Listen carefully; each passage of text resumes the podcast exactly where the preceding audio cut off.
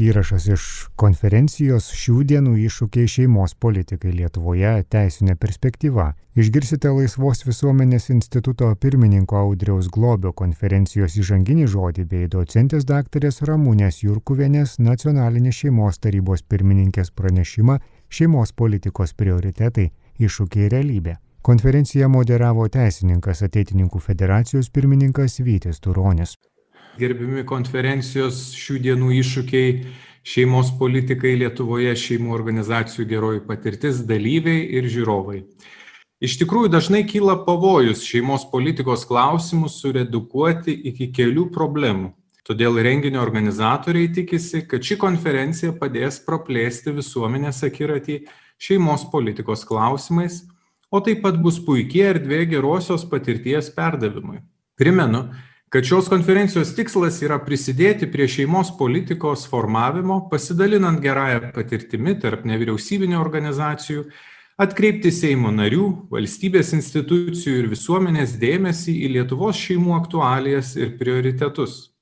Šis virtualus susitikimas organizuojamas Laisvos visuomenės instituto bei partnerių ir yra dalinai finansuojamas socialinės apsaugos ir darbo ministerijos pagal projektą Ašis atstovavimo šeimų interesams stiprinimas 2020. Konferencijoje girdėsite net aštuonis pranešimus šeimos politikos klausimais, todėl ilgiau nedelsdamas pakviesiu sveikinimo žodį organizatorių vardu tarti Laisvos visuomenės instituto valdybos pirmininką Audrių Globį. Taip pat leiskite mm, pasveikinti Laisvos visuomenės instituto vardu konferencijos dalyvius, pranešėjus ir klausytojus, tikrai malonu ją priimti kaip vieniems iš organizatorių. Konferencija rengiama iš ties sudėtingų laikotarpių. Siaučia virusas, tam turbūt dabar skiriamas vos ne visas visuomenės dėmesys. Todėl džiaugiuosi, kad ir esamomis sąlygomis, išnaudojant turimas galimybės, bendraminčiai susibūrė pasidalinti patirtimi, išvalgomis šią ypatingai svarbią temą. O ji iš ties yra svarbi nes būtent šeima kaip ir išmintingai numatė mūsų valstybę atkūrę konstitucijos tėvai yra visuomenės ir valstybės pagrindas. Mūsų konstitucijos trisdešim aštuntas straipsnis sako labai paprastai šeima yra valstybės ir visuomenės pagrindas. Noriu užakcentuoti kad pagal mūsų konstituciją šeima yra būtent valstybės ir visuomenės pagrindas į kurį remiasi ir ant kurio laikosi visas mūsų valstybės statinys net ne pamatas, ar tuo labiau vienas iš valstybės statinį puošiančių dekoro elementų, bet būtent pagrindas, nuo kurio tvirtumo priklauso viso statinio tvarumas ir ilgamžiškumas. Jeigu pagrindas nėra tvirtas ir stabilus, arba neatsakingai bandoma jį dar labiau paplauti, tai ir statinys, besiremintis į tokį skystą pagrindą, pradės trukinėti ir griūti. Ką be, be abejo galime stebėti kur šis pagrindas jau yra paplautas. Ir manau tai yra viena iš esminių priežasčių, kodėl skilinėja ir pats ES statinys. Todėl šiandien yra ypatingai svarbu atsigręžti į mūsų konstituciją numatytą fundamentaliai svarbę vietą šeimai, tinkamai vertinti visus jai kylančius šio laikmečio iššūkius, grėsmės ir esamas kliūtis, ieškant išmintingų sprendimų linkiu visiems konferencijos dalyviams gilių ir reikšmingų įžvalgų kurios vestų į labai konkrečius veiksmus saugant ir puoselėjant šeimą kaip mūsų valstybės ir visuomenės išlikimo ir klestėjimo pagrindą. Dėkojame Laisvos visuomenės instituto valdybos pirmininkui Audriui Globiui. Na, o dabar e, pristatau pirmąją mūsų šios dienos pranešėją, docentę, daktarę nacionalinės šeimos tarybos pirmininkė Ramūnė Jurkuvienė, kuris skaitys pranešimą Šeimos politikos prioritetai, iššūkiai ir realybė.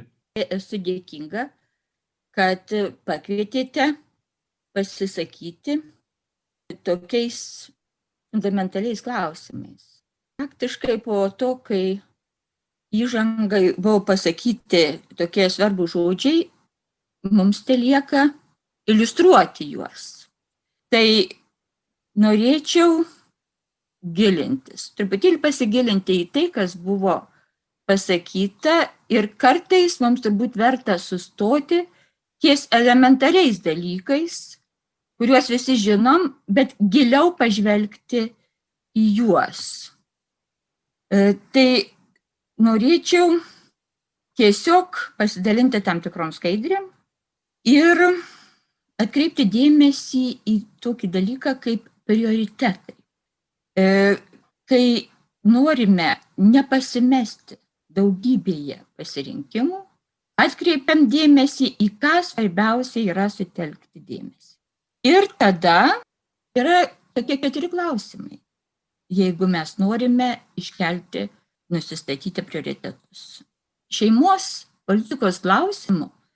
Tai pirmas klausimas turbūt būtų, kokios svarbiausios aktualijos turėtų padėti nustatyti šeimos politikos kryptį koks galėtų būti didžiausias pozityvus žingsnis į priekį, ko nepaisyti būtų blogiausia ir kas svarbiausia žvelgiant iš ateities perspektyvos. Taigi, kas yra svarbiausia?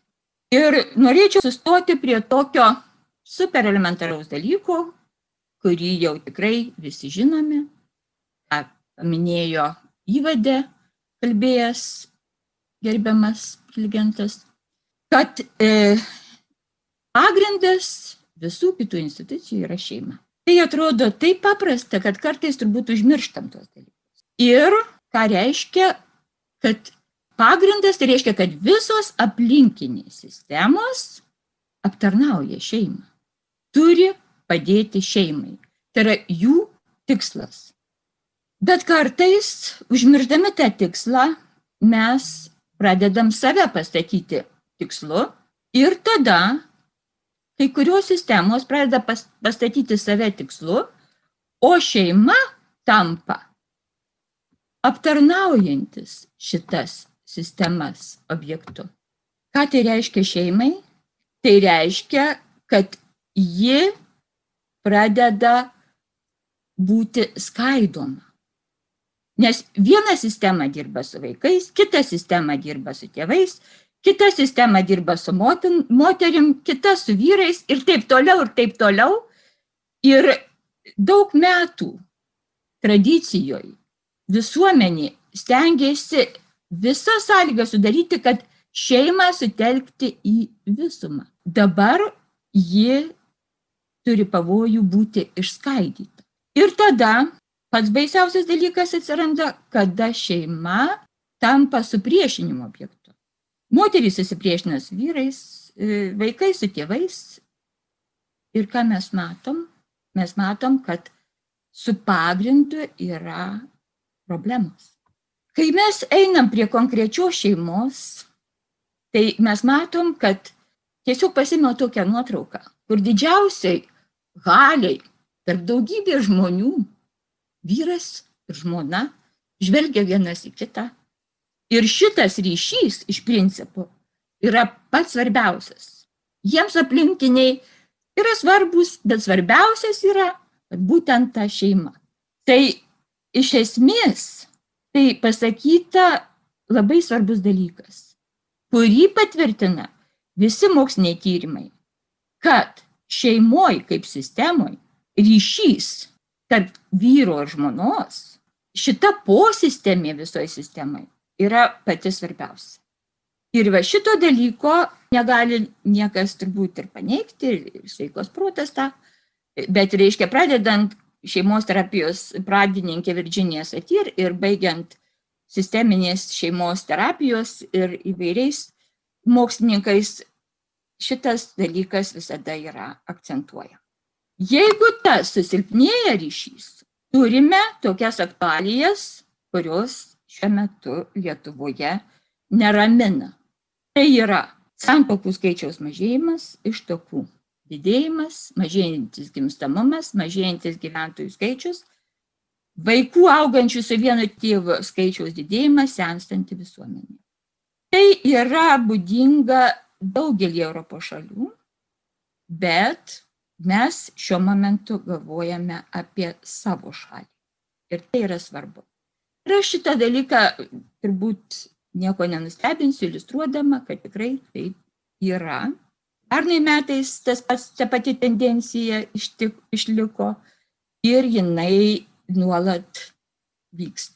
Kitas momentas, kada mažėja santokų ir daugėja ištokų, labai daugėja šeimų skaičius, kurie mamos ir tėvas, dažniausiai tai yra vis tik tai mamos, ir pakankamai didelis procentas tėvų net neprisideda, bet po vieną augina vaikus. Ir tai, aišku, siejasi su skurdu, tai siejasi su demografijos situacija blogėjančia ir tai siejasi su tuo, kad šitie žmonės, jie pamirštami. Tie, kurie intensyviai skatina nekreipti dėmesį, dėmesio į santuoką, kažkaip užmiršta tuos, kurie patiki tokiu teiginiu, kai jie lieka vieni. Ir iš šeimos, nu, iš visai politikų akiratį jie patenka tada tik tai, kai atsiduria socialiai remtinų šeimų grupė. Apskritai turėtumėm atkreipti dėmesį, kad pakankamai nemažas procentas šeimų yra arti skurdo ribos. Arba tiesiog yra skurde. Ir dirbanti šeima tai yra stabilios valstybės mažiausias vienas. Ir vis dėlto, kai didėja form, šeimos formų įvairovė, mažėja gimstamumas, auga skirybų skaičius, visuomenė neišvengiamai sensta, tai šitas vienetas tampa nestabilus ir pažeidžiam. Kažkada tai 96 metais į Kauną buvo atvykę demografai, socialinės ir šeimos politikos atstovai. Ir jie pateikė šitą skaidrę. Tada man jie atrodė tokia, nu, neįtikėtina, negi taip čia gali ir būti prastai. Deja, dabar mes esame jau maždaug per vidurį ir dėja jinai pildus. Ir tai iliustruoja remsiuosi gerbiamos demografijos šeimos politikos ekspertės Ikštienės duomenimis, e, gyventojų skaičius mažėja, mažėja jaunų žmonių skaičius ir didėja senų žmonių skaičius. Aišku, prie to prisideda ir emigracija, kurioje, kaip matome skaidriai, kairiai pusiai yra tarp emigruojančių dominuoja jauni žmonės, tarp pasiliekančių seni, E, tai susiję su ekonominė situacija ir vis tik tai, jeigu dabar jau kažkiek tai migracijos rodiklis mažėja, lyg tai grįžta žmonės, bet grįžimo programų neturim didelių ir dėje labai daug jie jau nebežino, su kuo identifikuotis. Ar su šia šalim, ar su kita šalim. Pasidaro blogai ten, atvyksta čia, pasidaro čia blogai, ten vyksta ir dėja tarp jų pakankamai nemažai ir priklausomybių paliestų žmonių. Reiškia, šitos problemos išlieka rimtos. Ką tai reiškia?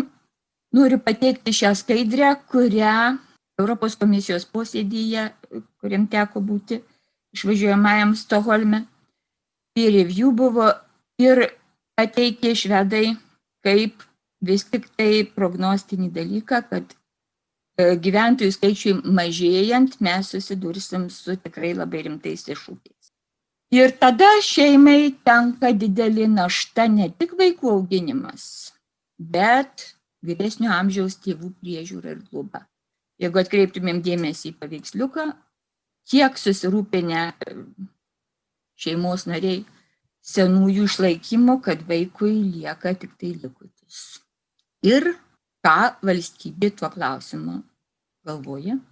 Bet ir iškyla klausimas, ar vis tik tai mes jau prisimam tą socialinio kontrakto principą, kada mokėję mokesčius gauna paslaugas, ar vis tik tai automatiškai lieka tokia mintis, kad šeima išlaikys įvairius polimorbidinius atvejus, tai yra senstantys žmonės labai dažnai turi ir daugiau lygų, neįgalumo.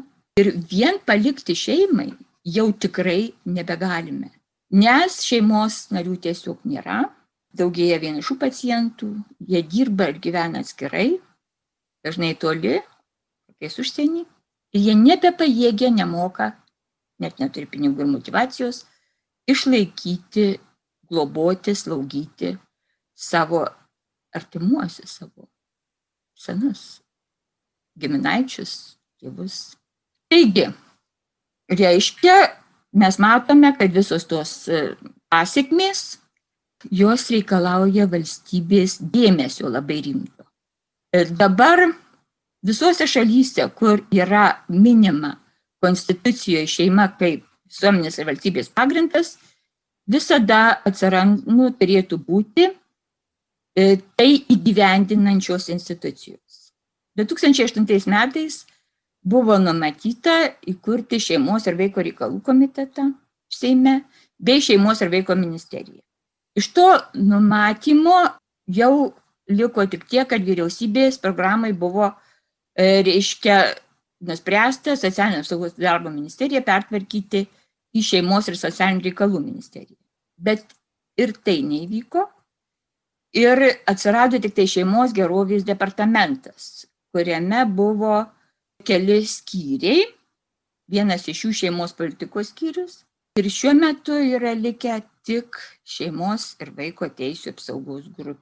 Ryškiai sustiprinta yra valstybinės vaiko teisų apsaugos ir įvaikinimo tarnybos vaidmuo, kas, kurį tas vaidmuo vis tik tai siejasi daugiausiai su šeimos kontrole koks galėtų būti pozityvus žingsnis į priekį. Tai pirmas momentas iš siauro šeimos politikos suvokimo pereiti į platus. Kai e, bendras šeimos politikos dėmesys šeimos politikai e, vis tik tai pasireikš tuo atveju, kada atkreipsim dėmesį ir vykdysim šeimos poreikius plačiu mastu, pradedant būsto politiką, siekimo politikoje atkreipiamas dėmesys ir visose kitose srityse, išplaukiant iš to, kad šeima yra valstybės ir visuomenės pagrindas. Ir jeigu mes pasižiūrėtumėm šeimos politikas kitose šalyse, mes kartais nepastebim, kad visos priemonės iš principo gimstamumo didinimui nukreipia. O kartais mes matome tik tai pavienius tokius veiksmus, kurie mums atrodo svarbiausi. Nes aš vis tik tai matau ir dabartiniai programoj, paskutiniai patvirtintoj programoj, kad šitas pagrindinis e, vis tik tai dalykas kaip gimstamumo didinimas jis kažkur tai paribiuosi. Taigi, ko nepaisyti būtų blogiausia? Tai va ignoruoti šeimą kaip visuomenės ir valstybės pagrindą, iškeliant kitas sistemas kaip savitikslį. Ir neigiant vyro ir moters ryšį kaip pagrindinį. Situacija nesikeis ir toliau Lietuvoje, Lietuvos teisės aktuose nebus identifikuoti aiškus gimstamumo situaciją galintys pagerinti tikslai įvykdomo pobūdžio dokumentuose jie nesispindys. Ir jeigu nebus nustatomi konkretūs veiksmai ar finansavimo šaltiniai siekiant pagerinti esamą situaciją. Nes nuo 2004 metų turėjom demografinę strategiją, dėje jos finansavimas neleido iš tikrųjų šito vaidmens įvykdyti taip, kaip buvo numatyta. Kas svarbiausia, žvelgiant iš ateities perspektyvos? Vis tik tai svarbiausias dalykas yra į šeimą orientuota politika. Kol kas mes ją suprantam labai siaurai.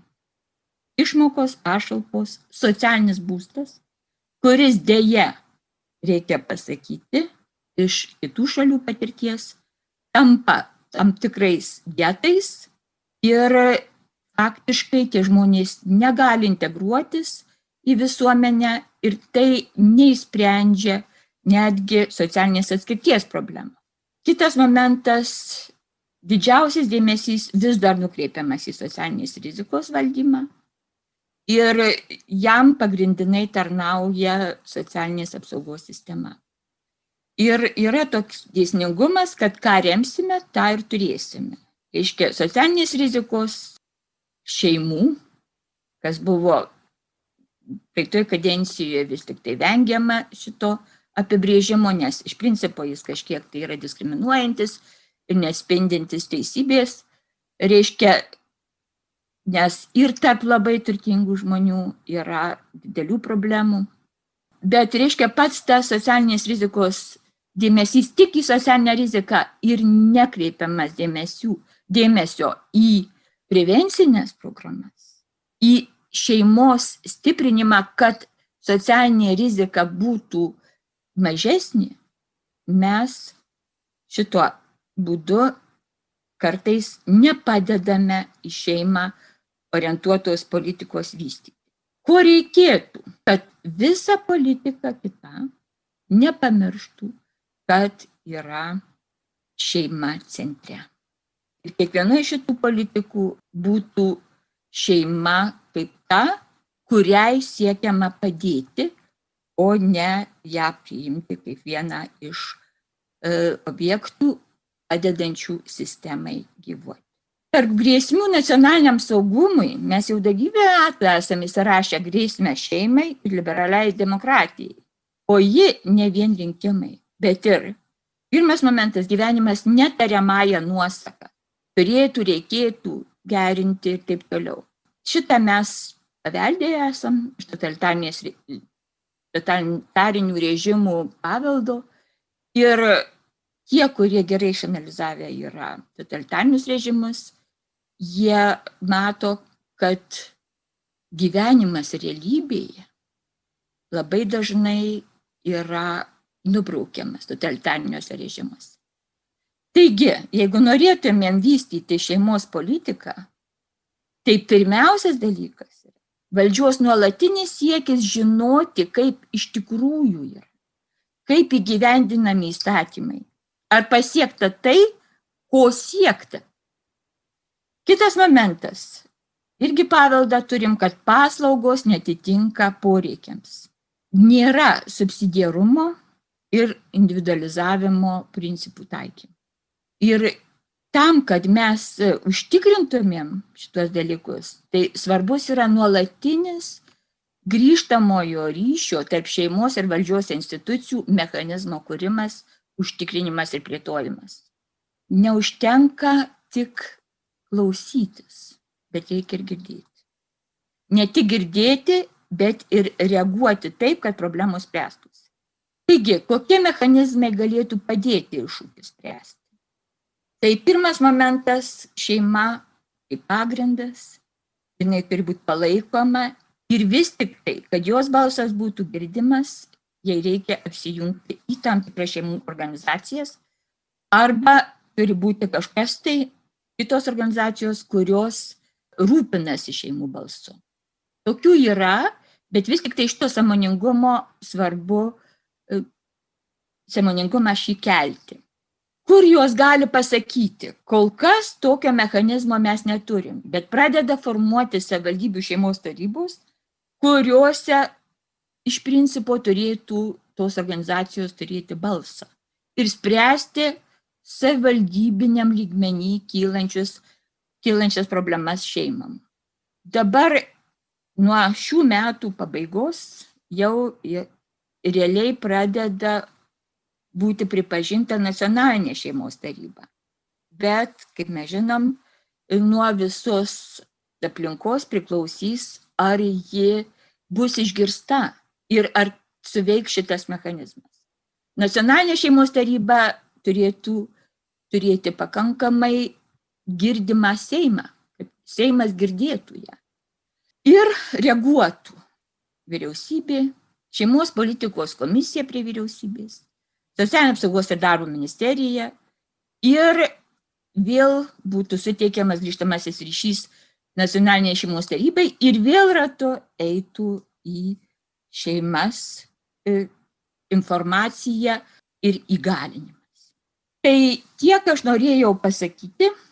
Pabaigai vis tiek norėčiau atkreipti dėmesį, kad šeima tai miniatiūrinė visuomenė, nuo kurios vientisumo priklauso visos didelės visuomenės saugumas Ir pirmi tokie atkreipimo dėmesio į tai, kad šeima yra tikrai išskirtinė ir svarbi ženklai nuskambėjo vakar, kada vyriausybės programą tvirtinant ir bandant susidoroti su e, mūsų ištikusią negandą pandemiją, buvo atkreiptas dėmesys, kad būtent šeimai reikia kitokias taisyklės taikyti.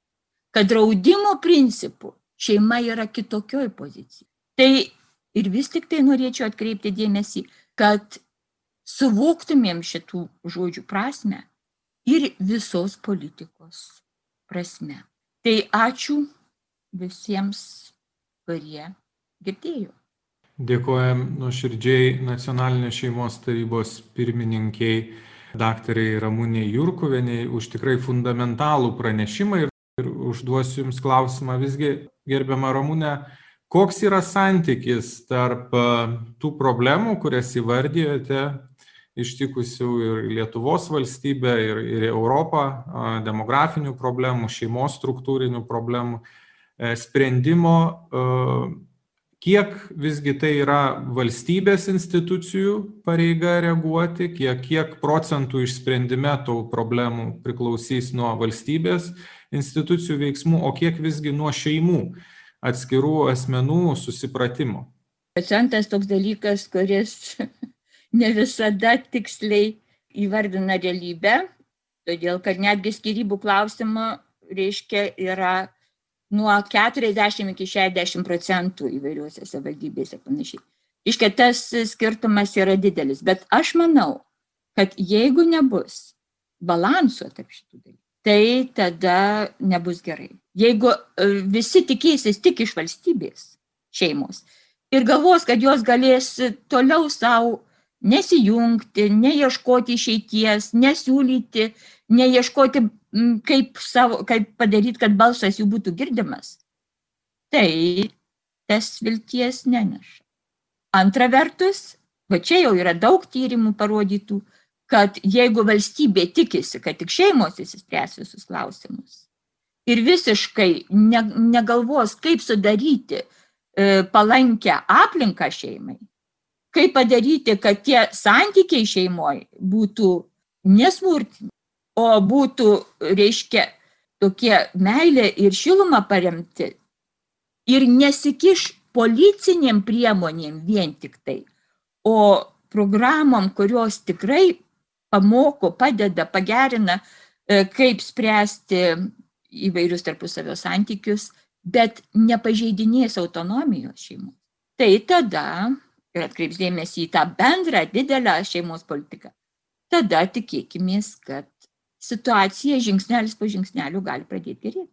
Įrašas iš konferencijos šių dienų iššūkiai šeimos politikai Lietuvoje teisinė perspektyva. Išgirsite Laisvos visuomenės instituto pirmininko Audriaus Globio konferencijos įžanginį žodį bei docentės daktarės Ramūnės Jurkuvienės nacionalinės šeimos tarybos pirmininkės pranešimą Šeimos politikos prioritetai iššūkiai realybė. Konferenciją moderavo teisininkas ateitininkų federacijos pirmininkas Vytis Turonis.